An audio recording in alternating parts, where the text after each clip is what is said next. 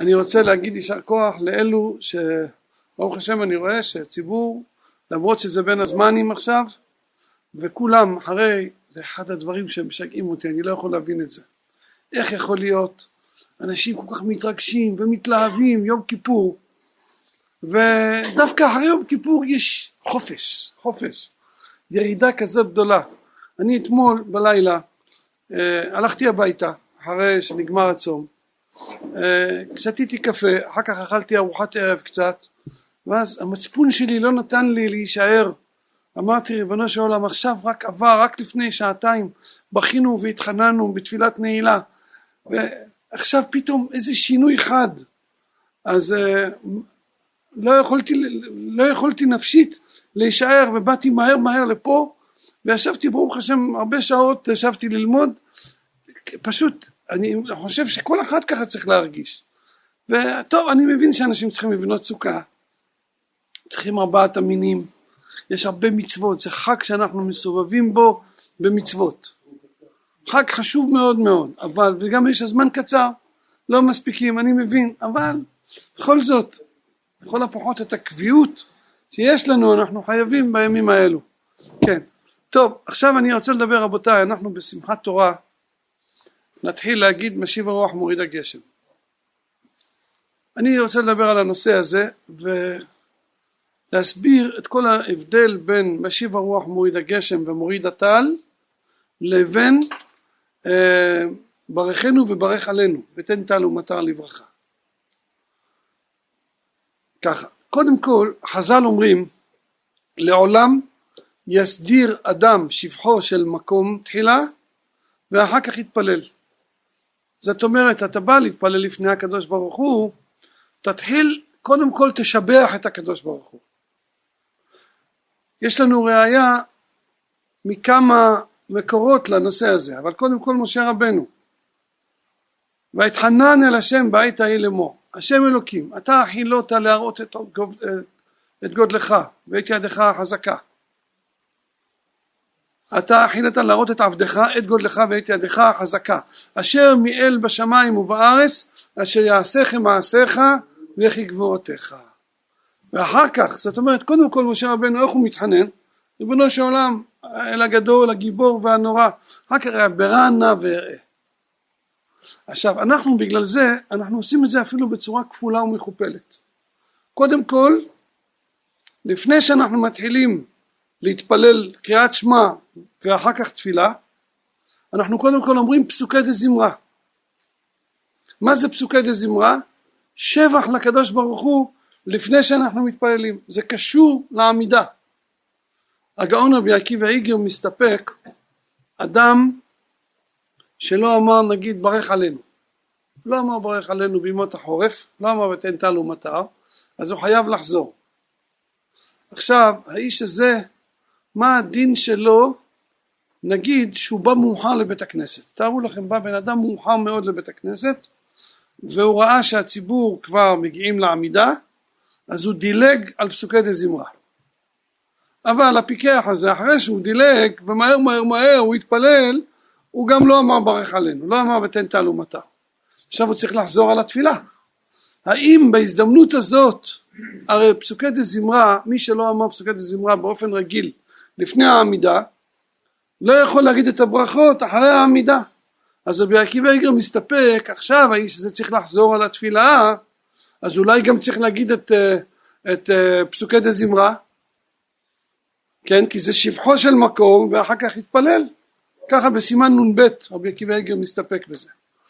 אז אם כן פסוקי דה זמרה זה להסדיר שבחו של מקום. אבל גם בתפילה עצמה בעמידה שלושת הברכות הראשונות הן נחשבות תמיד כברכה אחת. למה הן נחשבות כברכה אחת? כי זה כולם עניין אחד שבחו של מקום. כשאנחנו אומרים משיב הרוח ומוריד הגשם אנחנו לא מתכוונים שירד גשם. כמה פעמים קרה שמיד אחרי שמחת תורה ירד גשם אנשים אומרים אוי איזה יופי הקדוש ברוך הוא שמע את תפילתנו. זה לא נכון לא התפללנו על הגשם. אנחנו רק משבחים את הקדוש ברוך הוא שהוא מוריד גשם. עד, עד האל הקדוש שלושת הברכות הראשונות כולם עניין של שבח. האל הגדול הגיבור והנורא אל עליון מלך עוזר מושיע ומגן. אחר כך מי אתה חונן? עד שומע התפילה זה בקשות שאנחנו מבקשים מהקדוש ברוך הוא. דבר ראשון מבקשים שכל אדם בלי שכל לא שווה כלום. ממש ככה. מסכן אדם שאין בו דעת מה, מה, מה זה? אם אדם אין בו דעת מה הוא שווה? אני הכרתי בן אדם מסכן היה אדם צדיק נדבן גדול עשיר עצום שהיה חי כמו מלך. ואחר כך מסכן קיבל אירוע מוחי ואיבד את השכל שלו. אין לו שכל. יושב כמו תינוק קטן. ואז הילדים שלו ילדים טובים אז הם אמרו אבא שלנו עשיר אז הם לקחו לו את הטיפול הכי טוב.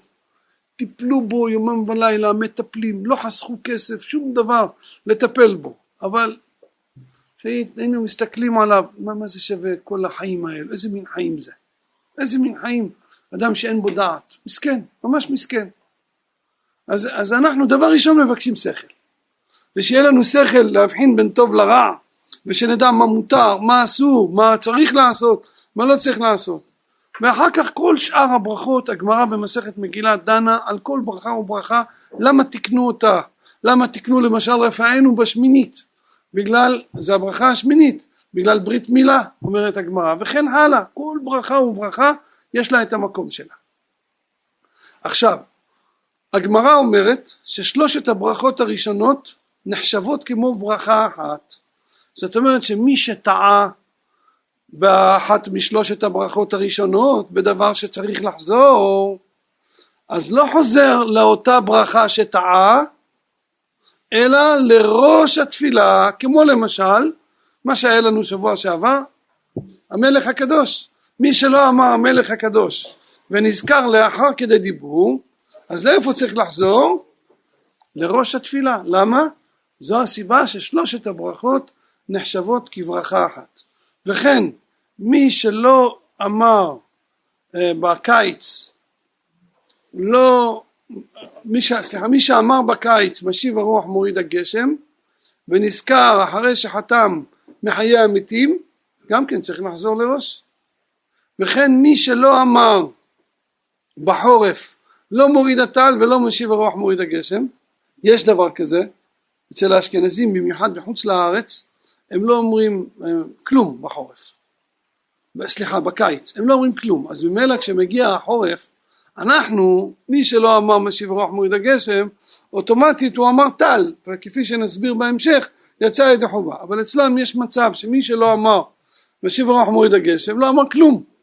אז, אז אם הוא גמר את הברכה השנייה אז זה מחלוקת אם צריך להגיד בין ברכה לברכה. אבל אם הוא התחיל את הקדוש לכל הדעות לאיפה הוא חוזר? צריך לחזור להתחלה למה? כי שלושת הברכות הראשונות הם עניין אחד. אומרת הגמרא אחר כך אמצעיות ככה המסקנה של הגמרא. מה זה אמצעיות? מי אתה חונן? עד שומע תפילה אין להם סדר מה פירוש אין להם סדר? יש פה מחלוקת רש"י ותוספות. רש"י מסביר אין להם סדר שמי שטעה באחת מהאמצעיות הסדר לא מעכב. ככה סובר רש"י זאת אומרת למשל תארו לכם בן אדם התפלל והוא היה קצת מבולבל שכח לברך ברכת אה, רפאנו. הוא לא אמר רפאנו. פתאום הוא שם לב שהוא דילג הוא רואה, הוא רואה אחרי תקע בשופר גדול לחירותנו הוא נזכר שהוא לא אמר את רפאנו. אז לפי רש"י יגיד שם את רפאנו ואחר כך ימשיך השיבה שופטנו זה הפירוש לפי רש"י. אין סדר פשוטו כמשמעו. אבל התוספות לא סוברים כך. והלכה כדברי התוספות. התוספות סוברים ומביאים ראיות לזה שסדר הברכות מעכב. סדר הברכות מעכב. לכן אם אדם השמיט ברכה אחת אז זה לא יועיל שהוא יגיד אותה במקום אחר. מי שבלבל הפך ברכה אחת לפני השנייה זה לא שווה כלום כל התפילה שלו. למשל דוגמה אם אדם לא אמר רפאנו והוא נזכר כמו שאמרתי אחרי תקע בשופר גדול לחירותנו אז מה הוא צריך לעשות? לחזור לרפאנו ולהגיד אחר כך עוד הפעם את ברכנו ואחר כך עוד הפעם אתקע בשופר גדול לחירותנו ולכן לפי זה מי שלא אמר המלך המשפט בעשרת ימי תשובה ונזכר נגיד בשמע קולנו אז הוא חוזר להשיבה וממשיך משם והלאה על הסדר. הוא לא יכול להגיד כבר אמרתי קודם את למינים ולמלשינים ועל הצדיקים ותשכון וכל זה אמרתי כבר. אין דבר כזה. הסדר מעכב. אז מה אם כן מה הכוונה של הגמרא אמצעיות אין להם סדר הכוונה היא שלא תאמר שזה כמו שלושת הברכות הראשונות. שאם טעה חוזר לראש התפילה שהם כמו ברכה אחת לא בברכות אמצעיות אם אדם אמר מלך אוהב צדקה ומשפט הוא לא חוזר לאתה חונן לתחילת הברכות האמצעיות אלא חוזר לברכה שטעה. לא צריך לחזור לתחילה. למה? כי כל ברכה שם זה עניין אחר לגמרי. אין קשר בעניין בין אתה חונן לבין השיבנו סלח לל כל אחת זה ברכה בפני עצמה. כן מבינים? זה הכוונה של, של הגמרא אמצעיות אין להם סדר שאם טעה באחת מהאמצעיות ככה השולחן ערוך ככה פוסק. אז שלא חוזר לאתה חונן אלא חוזר לאותה ברכה. אבל עצם הסדר שלא להקדים ולא לאחר זה מעכב כך סוברים התוספות וככה אחר כך נפסק בשולחן ערוך. עכשיו אם כן אז הסברנו את ההבדל בין שלושת הברכות הראשונות לבין הברכות האמצעיות. ממילא אנחנו מבינים שהברכה התשיעית שהיא ברך עלינו או ברכנו בימות החורף שאנחנו מזכירים בה ותן טל ומטר לברכה זו הברכה של הפרנסה. הנושא של הברכה זה הפרנסה. והגשם הוא המביא פרנסה. יש דיון בפוסקים כל הנושא של תעניות של עצירת גשמים שהיה בזמן חז"ל. מה הדין בזמננו? האמת שלא נהגו בזמננו להתענות. למה? העולם השתנה היום אה, אתם יודעים למשל אנגליה. אנגליה מדינה ענקית שהיבול שמה של החקלאות הוא קטן מאוד מאוד. ותשעים אחוז ככה כמה פעמים הייתי בלונדון אמרו לי שם הרבנים תשעים אחוז מהפירות והירקות שבאים בלונדון זה יבוא. זה לא בא מאצלם. היום העולם מתפתח היבוא ייצוא השתנה. פעם אנשים היו גרים ליד המעיינות ליד הנהרות. ככה היו כל היישובים. כשמגלים היום ארכיאולוגיה רואים כל מקום שהיה יישוב ליד זה רואים באר מעיין משהו ליד מקורות המים. גם בשביל להשקות את השדות וגם בשביל שתייה ככה הם היו צריכים. היום יש צינורות. לפני אה, כבר אתם יודעים בארץ יש תקופה די ארוכה אולי עשרים שלושים שנה שהגשמים הולכים ופוחתים. עכשיו ארץ ישראל היא תמיד הייתה היה לה בעיות בנושא של גשמים במיוחד שאנחנו חוטאים אז הקדוש ברוך הוא מעניש אותנו. עכשיו לפני עשרים שנה אני זוכר שהיה דבר שערורייה גדולה. לא היה גשם פשוט לא ירד גשם. אז היה איזה שר החקלאות שהחליט איך מי אשם? נציב המים בן אדם אומר לו וואלה לא יורד גשם מה אתה רוצה ממני? לא ירד גשם. פיטר אותו. הוא אשם שלא ירד הוא מצא את האשם לא ירד גשם. עכשיו היום כבר מצאו עוד פטנט התפלת מי ים. אם אתם זוכרים אמרתי לכם פעם שזה לא המצאה חדשה. מרן הכסף משנה בהלכות פרה אדומה כותב את זה איך מתפילים מי ים. הרדב"ז בתשובה כותב את זה. זה דבר די פשוט לכאורה. הם מאדים את המים וכמו העננים מה זה עננים זה עדים שבאים ממי הים הם יורדים מים מתוקים. המלח נשאר בים והמים שעולים הם מתוקים. אז ככה זה, זה הרעיון. אז היום מצליחים תראו בסעודיה תראו כל האלו שם באפריקה באסיה במקומות החמים ביותר הם מסתדרים בלי גשם. איך הם מסתדרים? מתפילים מי ים אז אה, לכן היום לא מתענים. אבל גם היום הגשם זה חיים לעולם. זה בריא גם כן לאדם זה מנקה את האוויר גשם טל כל זה חשוב מאוד מאוד לקיום של העולם. העולם לא יכול להתקיים בלי הדברים האלה. אז עכשיו כשאנחנו אומרים משיב הרוח מוריד הגשם אנחנו לא מתכוונים שאנחנו רוצים שירד אלא אנחנו משבחים את הקדוש ברוך הוא שהוא משיב הרוח ומוריד הגשם. ולכן המשנה הראשונה במסכת תענית דנה מתי מתחילים להגיד משיב הרוח ומוריד הגשם ויש בזה כמה דעות. הגמרא אומרת שקודם כל שצריך לשבח את הקדוש ברוך הוא בזמן שכבר ראוי מבחינת הטבע שהעולם כבר צריך את הגשם, שראוי לרדת גשם. בקיץ בארץ ישראל זה סימן קללה, יש מקומות בעולם שהם חייבים גשם בקיץ, ואז יש שאלה אם הם צריכים להגיד ותן ומטר בקיץ בשמע קולנו או לא צריכים להגיד, זה הגמרא דנה הראשונים, האחרונים, לא ניכנס לזה עכשיו. אבל אה, בקיץ לא שייך להגיד גם לא משיב הרוח מוריד הגשם. אתה לא יכול לשבח את הקדוש ברוך הוא בקיץ על דבר שהוא סימן קללה. לכן אין מה לדבר ככה המסקנה של הגמרא שעד חג הסוכות אין מה לדבר שלא מזכירים משיב הרוח מוריד הגשם.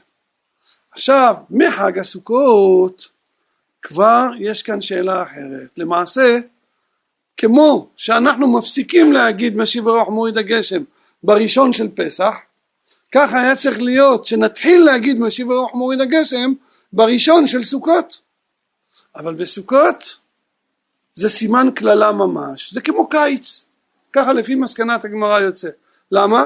הגמרא אומרת משל למה הדבר דומה? אדם שהיה לו עבד והוא ביקש ממנו שיביא לו כוס מים הביא לו כוס מים לקח האדון שהפך את זה על העבד כך אם הקדוש ברוך הוא מצווה עלינו לצאת לסוכה והוא שופך עלינו מים אז זה סימן קללה כאילו כמו שהאדון אומר לעבד לא רוצה את המים שאתה מביא לי לא רוצה איני חפץ לא בך ולא בשימושך ככה הקדוש ברוך הוא אומר אני לא רוצה את המצוות סוכה שאתם עושים לכבודי. לא רוצה. וזה סימן קללה. כך אומרת הגמרא. לכן למסקנת הגמרא בסוכות לא אומרים משיב הרוח מוריד הגשם בירושלמי יש עוד סיבה. הירושלמי אומר שהטל הוא חשוב הוא חיים לעולם. ואנחנו רוצים שיצאו כל המועדים בטל. פסח מוריד הטל שבועות מוריד הטל וגם סוכות שיהיה בטל עד מוסף של שמיני עצרת. עכשיו בשמיני עצרת עצמו לכאורה אנחנו צריכים להתחיל להגיד משיב הרוח מוריד הגשם זה נושא בפני עצמו למה מתחילים במוסף? אולי בהזדמנות אחרת. אבל במוצאי שמיני עצרת היינו צריכים כבר להגיד ותן טל ומותר לברכה כמו שבפסח אנחנו מיד שמתחילים להגיד מוריד הטל אנחנו גם מפסיקים להגיד ותן טל ומטר פה אנחנו צריכים לכאורה להתחיל. אבל בזמן חז"ל בזמן בית ראשון ובית שני בני ישראל היו עולים לרגל. ואז לא היה מכוניות ולא היה שום אמצעים איך להגיע. אלא מה? הם היו באים על גבי חמורים רוכבים על החמור אני יודע חמור סוס באים לירושלים. שימו לב כתוב פסוק בתורה שצריך לשים אליו לב כל אחד שאנחנו קוראים בתורה ולא יחמוד איש את ארצך. תארו לכם עכשיו בצפון שכל יישובי הצפון מתפנים. כולם עולים לרגל לירושלים בחג הסוכות. אתם יודעים מה המשמעות? אין, גם, צ... גם הצבא, גם החיילים חייבים. כולם, אז גם לא היה דרוזים שישמרו, שום דבר, כולם עולים לרגל ריק, כולם עלו לרגל, נשארים אולי קצת נשים, הן פטורות ממצוות עלייה לרגל, קצת נשים, ילדים קטנים, מה היה קורה? השם ירחם?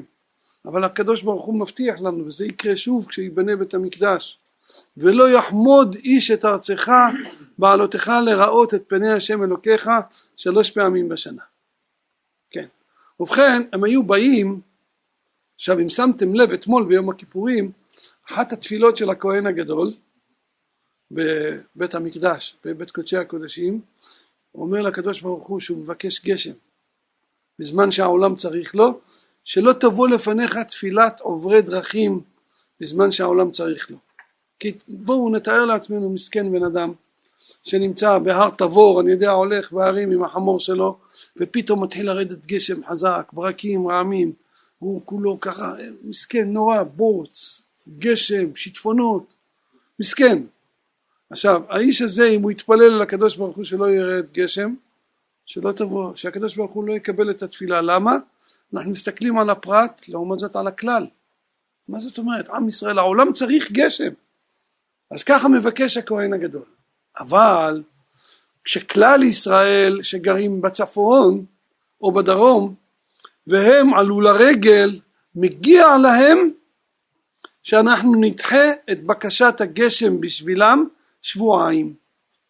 לכן אנחנו שואלים עד שיגיע האחרון שהיה גר בזמנו היהודי שהיה גר הכי רחוק זה היה ליד נהר פרת אז שבועיים אחרי החג אנחנו לא מתחילים להגיד ותן תעלו מטר מצד שני מצד שני להגיד משיב הרוח ומוריד הגשם רק לשבח לקראת הזמן הזה שנצטרך את הגשם אנחנו מתחילים כבר בשמיני עצרת.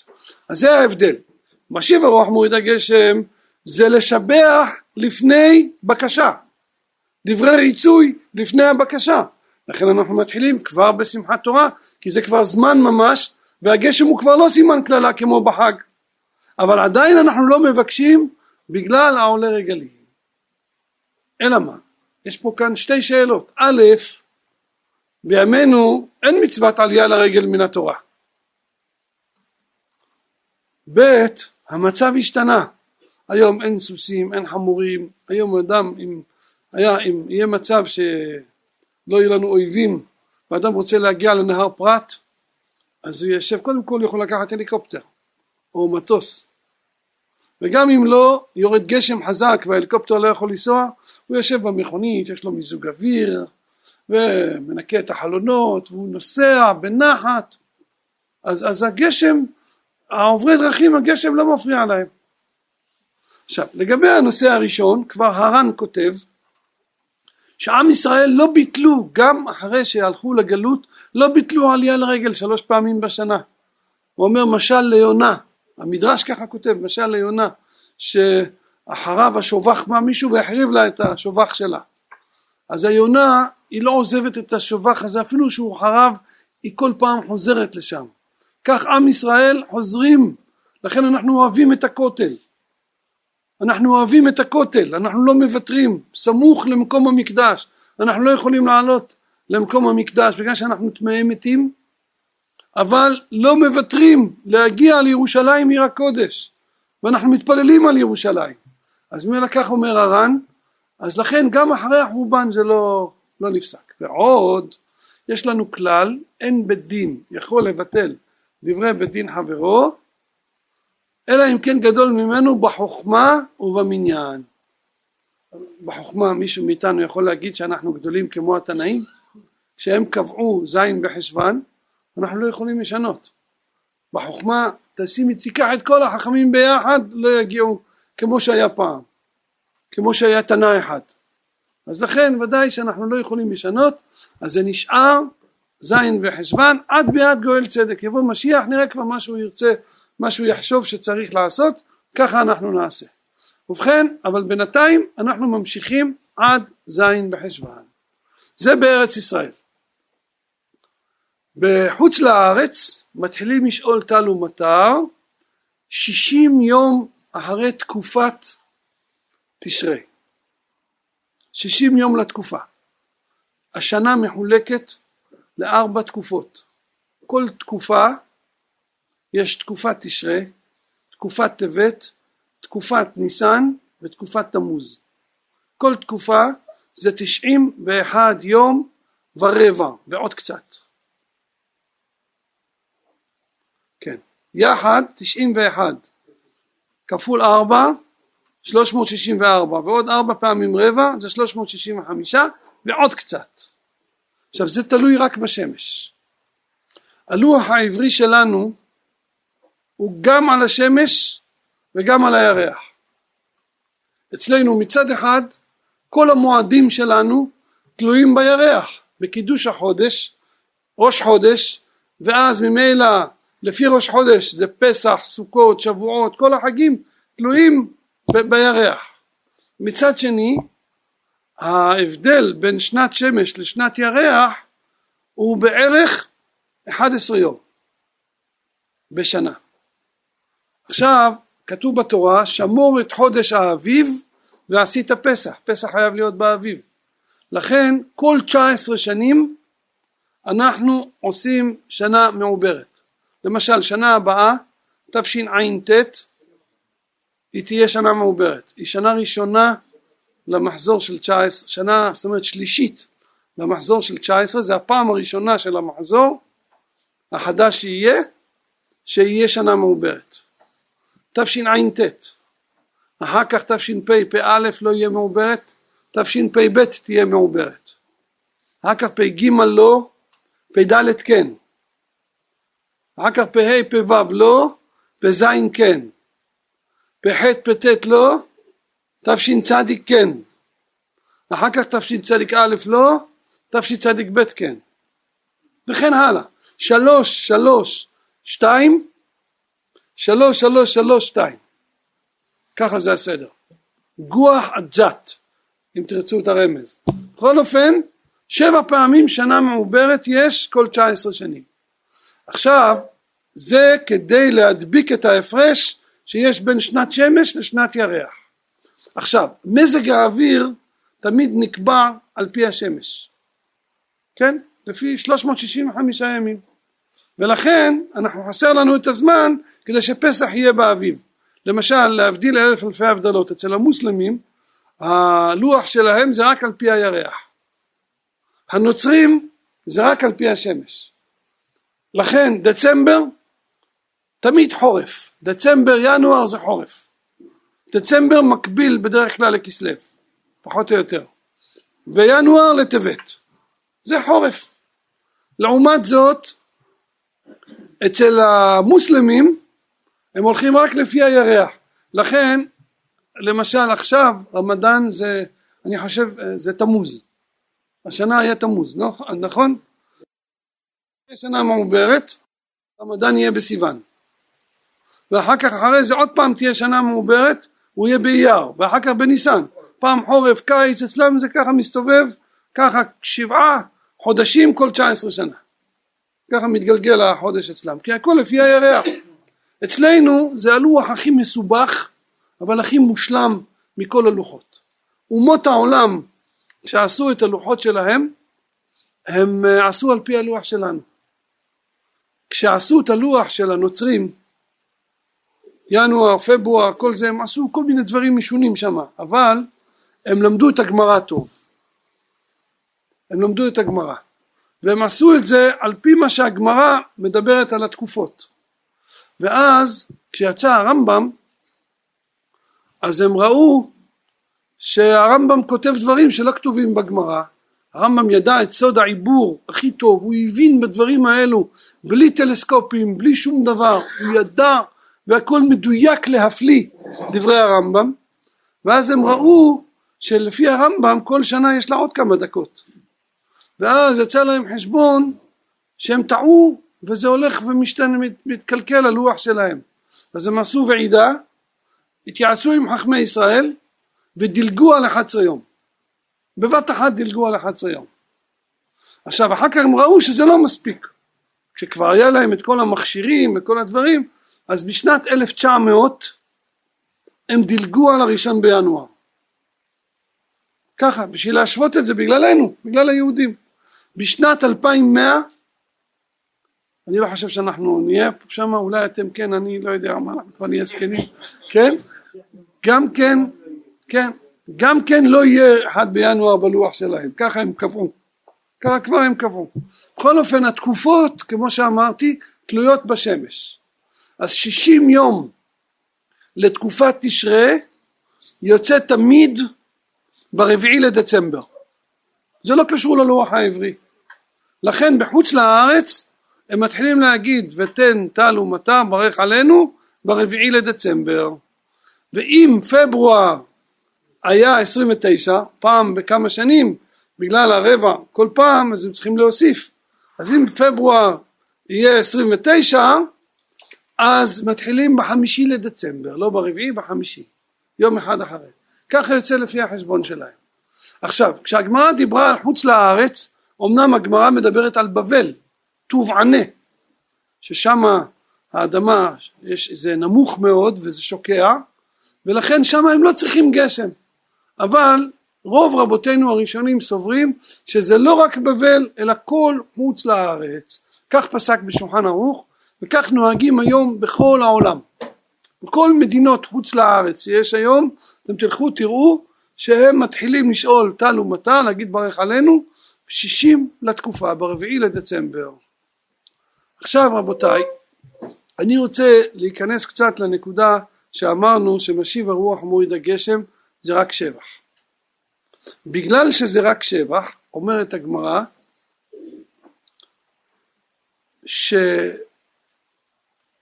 שטל אומרת הגמרא כך טל ורוחות לא חייבו חכמים להזכיר. ואם בא להזכיר מזכיר. זאת אומרת בגלל זה כמו שאמרתי קודם אצל חלק מהאשכנזים הם לא אומרים מוריד הטל בקיץ. אנחנו כן אומרים מוריד הטל. גם המילים משיב הרוח שתי המילים משיב הרוח לא חייבים להגיד. אבל כל עם ישראל נוהגים בחורף להגיד משיב הרוח עכשיו טל אומרת הגמרא למה לא חייבו חכמים להזכיר לא רוח ולא טל? אומרת הגמרא כי אם אנחנו משבחים אמנם את הקדוש ברוך הוא אבל בין אם נזכיר בין אם לא נזכיר טל ורוח ימשיכו תמיד. ולכן לגבי לגבי האזכרה שזה רק שבח אם אדם הזכיר כך כותבים התוספות אם אדם הזכיר טל במקום גשם נו אז העולם בקושי יכול להתקיים אז לכן לא חוזר. אם גמר את הברכה לא חוזר. אבל לגבי ותן טל ומטר שזה בקשה גם אם אדם הזכיר טל הרי בברכנו אנחנו מזכירים טל זה לא מספיק. בבקשה אז הגשם מעכב מז' בחשוון או בחוץ לארץ שישים לתקופה ברך עלינו זה מעכב. אם אדם אמר ברכנו אמנם אתה מזכיר שם טללי ברכה זה לא מועיל. לעומת זאת ב... אם אדם אמר מוריד הטל במקום משיב הרוח מוריד הגשם בחורף וכבר גמר את הברכה כאן זה מועיל. למה זה מועיל? כי בין כה וכה אתה לא מבקש כאן אתה רק משבח. אז בשבח אנחנו מסתפקים בטל והגמרא דורשת את זה מפסוקים שטל בין כה וכה לא נעצר. הגמרא דורשת את זה מפסוקים וגם רוח.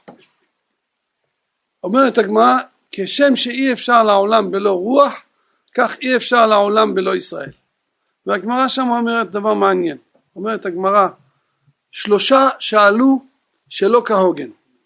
היו שלושה שביקשו מהקדוש ברוך הוא בקשה לא בסדר איך שהם ביקשו הראשון זה אליעזר עבד אברהם השני זה שאול בן קיש השלישי זה יפתח הגלעדי. לשניים מהם השיבו כהוגן לשלישי גם השיבו לו שלא כהוגן. הראשון זה אליעזר. מה הוא אמר? והיה הנערה אשר אמר אליה עתינא קדך ואשתה אותה הוכחת לבן אמתיך היא תהיה ליצחק. ואם תבוא עיוורת או חיגרת אישה בחורה בלי רגל בלי אז מה היא תהיה מתאימה ליצחק? השיבו לו כהוגן בזכות יצחק ובאה רבקה. שואלים התוספות מה זאת אומרת? למה אתה אומר שהוא שאל שלא כהוגן? הוא אמר הנערה שאומר אליה עתינא קדך ואשתה היא, אני, אם אני, הוא יראה שאין לה רגל, הוא לא יגיד לה עתינא קדך ואשתה, יראה שאין לה עין, היא עיוורת, חיגרת, משהו כזה, הוא לא יגיד לה, קודם כל יבדוק שהיא נראית בסדר ואחר כך הוא יגיד לה. אומרים התוספות לא, שגם בזמנם היה עין מזכוכית. היום אני מכיר אחד שמסכן היה לו בעיה גדולה בעין ולא היה ברירה, היה לו גידול, הוציאו לו את העין. עין אחת וברוך השם הוא עברי לגמרי, ברוך השם. אני אז הייתי מחזק אותו שיקבל עליו קבלות, שימשיך, שילמד תורה, קיבל עליו קבלות וניצל ברוך השם. עכשיו אחרי תקופה מסוימת פגשתי אותו ואז הוא אמר לי תנסה לבדוק איזה עין שלי זה העין האמיתית ואיזה לא הסתכלתי והסתכלתי והסתכלתי, לא הצלחתי לדעת. זה נראה בדיוק בדיוק אותו דבר. זה פשוט לא יאומן איך הם השתכללו היום. אבל גם אז היה מצב כזה שאפשר היה לעשות. או אומרים התוספות לגבי רגליים, אולי יש לה רגל מעץ. פרוטזות כבר היה אז, וכתוב זה כבר בזמן המשנה גם כן, טוב, אבל פה מדברים על הרבה לפני, אליעזר. טוב, זה הראשון. השני זה שאול המלך. הוא אמר, והיה האיש אשר יכנו, יעשרנו המלך עושר רב, ואת ביתו ייתן לו לאישה. טוב, אתה רוצה לתת כסף תיתן, אבל תיתן את הבת שלך למי? איך אדם, אדם סתם ככה מישהו גיבור, יבוא איזה גיבור אחד, יכה אותו את גוליית, ואם הוא יהיה ממזר, הוא יהיה איזה עבד. השיבו לו כהוגן בזכות הבת שלו שהייתה צדקת, והזדמן לו דוד. השלישי זה יפתח הגלעדי. הוא אמר לקדוש ברוך הוא שאם הוא ינצח במלחמה והיה היוצא מי שיצא הראשון אשר יצא מדלתי ביתי ועליתי הוא עולה להשם ואם זה יהיה כלב תקריב כלב לפני הכלב מה אתה אומר הראשון אם יצא כלב השיבו לו שלא כהוגן ויצאה ביתו. יש דעות במפרשים מה הוא עשה בסוף עם הבת שלו? האם הוא הרג אותה, לא הרג אותה, והייתה ממש מסכנה. יצאה הבת שלו והוא בכה, צעק, אבל היה יכול להתיר את הנדר ולא התיר את הנדר בגלל גאווה, כך אומרת הגמרא, והוא נענש. עונש גדול, כתוב ויקבר אה, בערי גלעד ופנחס פנחס שלא הלך אליו, כתוב לפנים הייתה רוח השם עמו, הסתלקה ממנו רוח הקודש. זה לדברי הגמרא. הגמרא ממשיכה ואומרת עוד יש רביעי. מי? עם ישראל. עם ישראל ביקשו מהקדוש ברוך הוא ויבוא כגשם לנו. הגשם, גשם זה דבר חשוב שצריכים אותו. יבוא כגשם לנו. אמר להם הקדוש ברוך הוא אתם שאלתם דבר שלפעמים מתבקש, לפעמים אינו מתבקש. בקיץ הגשם הוא לא טוב. מה אומר הקדוש ברוך הוא לעם ישראל? אהיה חתל לישראל. טל, טל הוא כל השנה צריכים אותו, הוא חיים לעולם. עכשיו אומרת הגמרא שם דבר מעניין, אומרת הגמרא על אליהו הנביא שכשבא אחאב אני פעם סיפרתי לכם את כל הסיפור כדי ללמוד מזה הרבה מוסר מהסיפור של אליהו הנביא עם חיאל בית האלי איך שהוא בנה את יריחו ומתו הילדים שלו ואז אחאב בא וטען שזה לא בגלל הקללה של יהושע. למה? הוא אומר משה רבנו אמר כתב בתורה שאם ישמרו לכם פן יפתה לבבכם וסרתם ועבדתם אלוהים אחרים והשתחוויתם להם מה יקרה?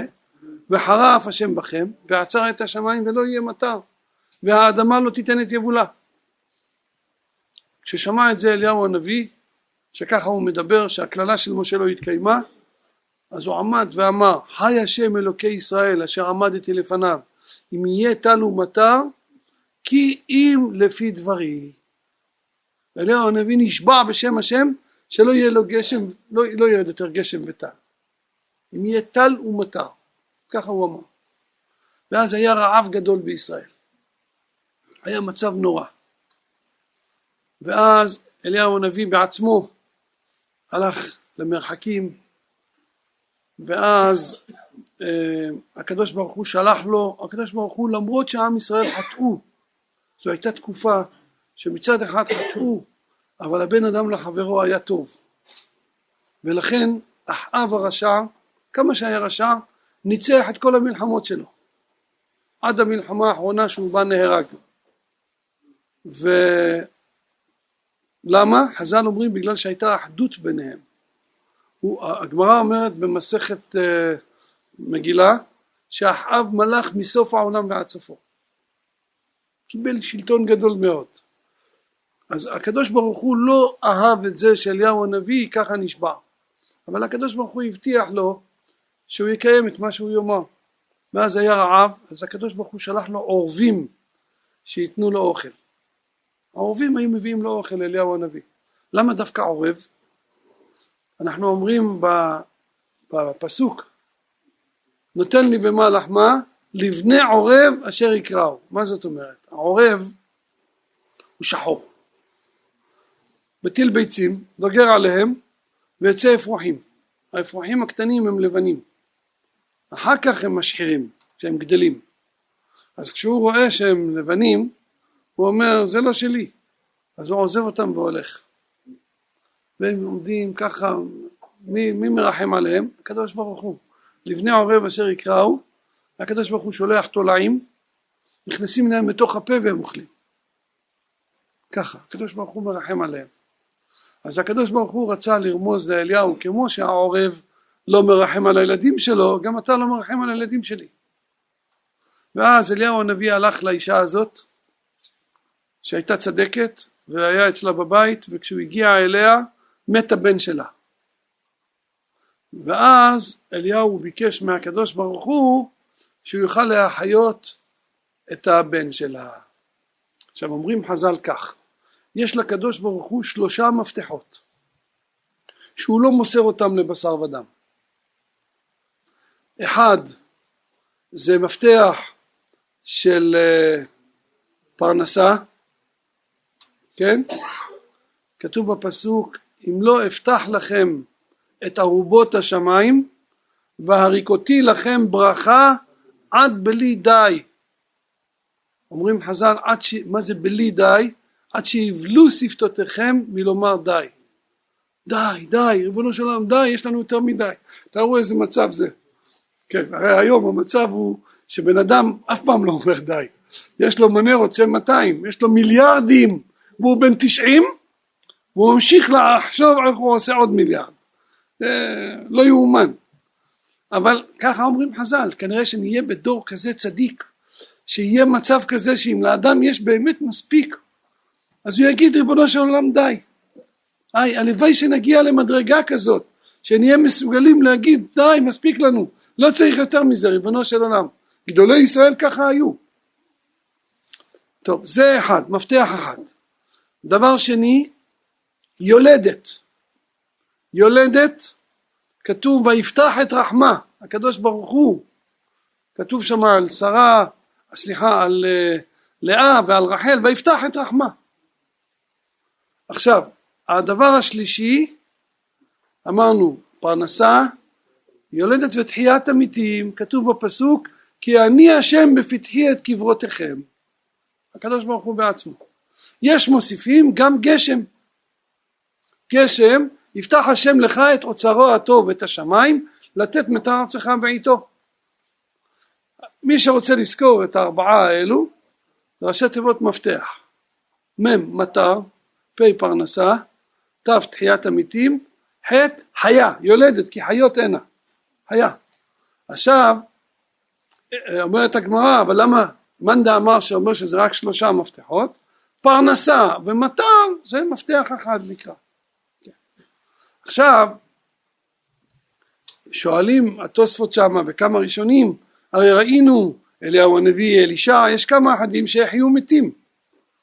אז יש על זה שני תירוצים. תירוץ אחד, שמה שכתוב שהקדוש ברוך הוא בעצמו ולא ניתנו ביד שליח, זה שלושתם ביחד. אבל אחד מהם כן. ועוד, ניתנו, אם ניתנו באופן זמני, אבל באופן קבוע, הקדוש ברוך הוא לא נתן את זה לאף אחד. עכשיו פה אנחנו רואים שהקדוש ברוך הוא נתן את המפתח של הגשם בידי אליהו הנביא. ואז כשהוא ביקש את המפתח של תחיית המתים, אז אמר לו הקדוש ברוך הוא, יש לי שלושה. אחד נתתי לך, נשאר לי שניים. אתה רוצה לקחת את השני?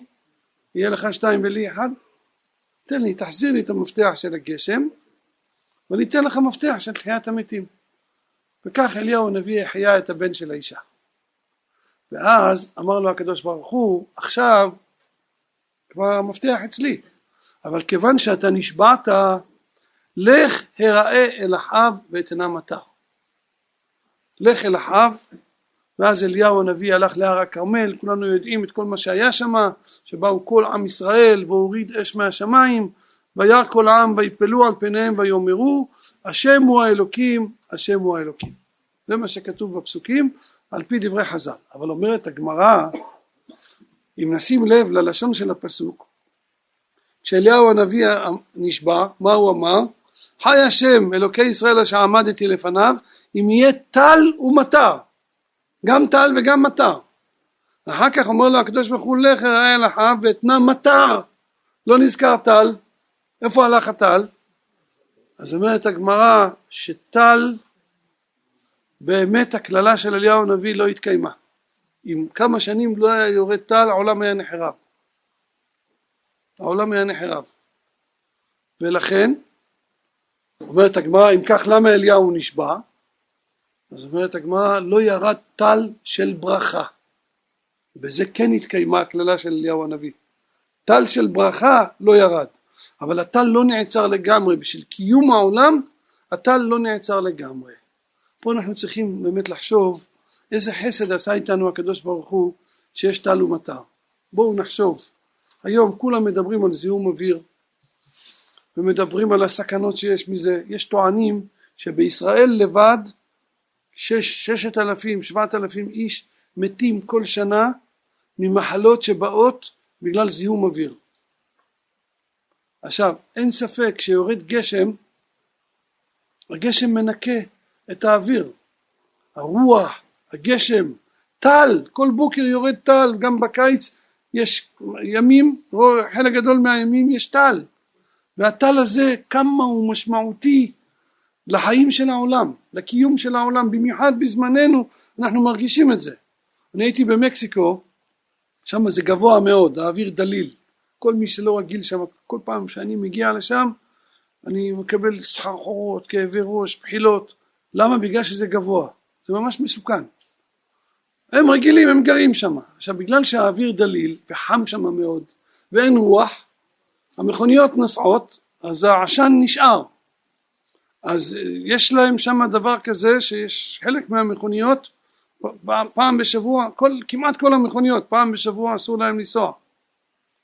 וגם יש להם דבר נוסף שלפעמים הם סוגרים רחובות. סוגרים בגלל שיש הזיהום יותר מדי. ואז יורד יום אחד גשם זה מנקה את האוויר. הייתה טענה למשל כשבזמנו דנתי לגבי ארגנטינה אני שמה נכנסתי לנושא הזה ברוך השם היה לי סייעתא דשמיא ממש והצלחתי לשנות. היה להם מנהג לא להגיד אה, ברך עלינו כל השנה. למה? הם טוענים אצלם העונות הפוכות. הקיץ שלנו זה חורף שלהם והחורף שלנו זה קיץ שלהם. ואז אבל מה יורד שם הגשם כל השנה? ובקיץ שלהם שזה בחודשים הקרובים יורד הרבה גשם אבל יורד מאוד חזק. אז היה לפני מאה שנה היו כאלה שטענו שזה מזיק. ולכן לא הפסיקו לשאול. ואין ספק א' זה לא בטוח שזה נכון מה שהיה שאמרו אז. היום רוב החקלאות שלהם וזו מדינה מאוד חקלאית ארגנטינה זה בחודשים של הקיץ שלהם. הם זורעים פעמיים בשנה קוצרים פעמיים בשנה. הרוב מייצאים הפרנסה של המדינה זה הייצוא. עכשיו הם מייצאים למשל בשר. היה הם, הם, הם פעם כתבו לי את הדוח הממשלה שמה שהם כתבו את זה לרב שמה והוא תרגם לי את זה. הם כתבו שהיה בשנת 87-88 לא ירד גשם בקיץ וכל המדינות בעולם הפסיקו לקנות בשר מארגנטינה. הבשר לא היה טוב הפרות לא היה להם לשתות לא היה אוויר טוב ואז הם אה, פשטו את הרגל כמעט. היה מצב נורא. לא קנו כל הייצוא הפסיק. הם מייצאים סויה בכמויות אדירות לכל העולם. והם צריכים את הגשם. אז אני שיניתי את זה. והנה בדוח של הממשלה היה כתוב פרט אחד שלכאורה הוא לא טוב. היה כתוב ככה שאדם שהוא חולה אסתמה יש לו בעיות במחלת נשימה אז כשהאוויר יורד גשם זה עושה לחות בקיץ חם ויורד גשם אז כולם מזיעים יש עדים באוויר אז הלחות הזאת שיש באוויר היא מזיקה לחולי אסתמה אז כאן היו כאלה שטענו כנגדי הנה אתה רואה שזה מזיק אז עניתי להם ככה א' כמה חולי אסתמה יש בעולם? כמה? כמה אחוזים מהאנשים יש להם אסתמה? אחוזים בודדים זה א', ב', אבל בואו נסתכל על הכיוון ההפוך. אם לא ירד גשם בקיץ, יהיה חם מאוד, ויש מכוניות היום, זה הדבר שהשתנה מלפני מאה שנה להיום, שיש מכוניות. אז האוויר מלא עשן, ואז ימותו פי עשר אנשים מהחולי האסתמה שזה רק מזיק להם, שהם יכולים לחיות עם זה רובם. זה רק צער, בודדים יכולים למות מזה. אבל אם לא יהיה גשם זה הרי בדיוק הפוך, הנזק הוא פי כמה וכמה. ולכן אדרבה זה מועיל לגשם, אם מדברים על מבחינת בריאות האדם זה מועיל לגשם. כך בזמנו אני דיברתי בזה עם אבי מורי באריכות שעות ישבתי איתו והוא הצדיק אותי והוא פסק שהם צריכים לשאול תעלומתר גם הגאון הרב שלום כהן מרן הרב שלום כהן בזמנו אז לפני 15 שנה אולי יותר אה, הם ביקשו שם בארגנטינה יש שם הרבה תלמידים שלו הרבה שלמדו אצלו בישיבה אז ביקשו ממני לשאול אותו מה דעתו. אז הלכתי אליו הוא למד את הנושא ביסודיות. קיבל את הפסק שלי אבל הוא אמר לי אני צריך ללמוד את זה בעיון ביסודיות את הנושא. לשנות דבר שהיה קודם ישב ולמד אחר כך דיברנו בלימוד בסופו של דבר הוא כתב הצדיק את כל מה שאני אומר היו רבנים שלא הצדיקו אותי אבל ברוך השם הם שמה בארגנטינה שמעו בקולנו. אבא שלי וחכם שלום ביחד בשבילם זה היה מספיק. היה יש כאלו שהלכו הביאו פסק הפוך מהרב אלישיב. מרן הרב אלישיב הוא אמר לו לשנות. ואז אחרי שנה אה, חיתנתי את הבן שלי הרב עובדיה אז הלכתי לרב אלישיב לקבל ברכה והבאתי לו את הספר שלי חלק ו' הלכה ברורה אמרתי לו יש פה פסק נגד הרב. אז הוא אומר לי נגדי באיזה עניין? אמרתי לו בעניין טל ומטר בארגנטינה. אה, הוא זכר את זה מיד. הוא אמר לי תשב אני רוצה לדעת למה פסקת נגדי. אז ישבתי התחלתי לספר לו את העובדות. לא לקח יותר מחמש דקות הוא הפסיק אותי ואמר לי אם העובדות הן כמו שאתה אומר בטח שאתה צודק. בוודאי שאתה צודק אלא מה? הוא אומר כמה פרטים שאמרת לי עכשיו לא סיפרו לי. אז אני אמרתי לו אז הרב חוזר בו? אז הוא אמר אני לא חוזר בי. זה תלוי איך שואלים אותי. מה השאלה ששאלו אותי? החסירו לו פרט מאוד חשוב שהיה שהמנהג הראשון בכל ארגנטינה היה לשאול תעלומתה ככה נהגו האשכנזים. מאז ועד היום הזה אצל האשכנזים לא היה אף פעם שינוי הספרדים באו ונהגו כמו האשכנזים ואחר כך הספרדים שינו ואני רוצה להחזיר אותם למנהג הראשון שיש עד היום כאלו שנהגו כל הזמן האשכנזים. אז הוא אמר אם זה כך אז ודאי שצריך להחזיר אותם למנהג הראשון. ככה הוא אמר הגאון הרב אלישיב. בכל אופן אני חוזר ואומר שאנחנו צריכים להסתכל אם הגשם מועיל. אם למשל יש מצב יש מקומות למשל שהרמב"ם כותב את זה בפירוש המשניות יורד גשם יש למשל אני אתן לכם דוגמה יש עיר שנקראת ריו דה ז'נרו בברזיל. פעם הייתי שם עם האבא שלי אז הסבירו לנו בדיוק על העיר הזאת. יש שם המון המון אנשים שגרים שם על ההרים בבתים עלובים בעוני נורא. עכשיו אמרו לנו שלפעמים יורד שם גשם חזק ואז הבתים מתמוטטים אחד על שיטפונות נופלים אחד מתים מתים אנשים אפילו לא יודעים כמה מי מת וכמה מתו. עד כדי כך.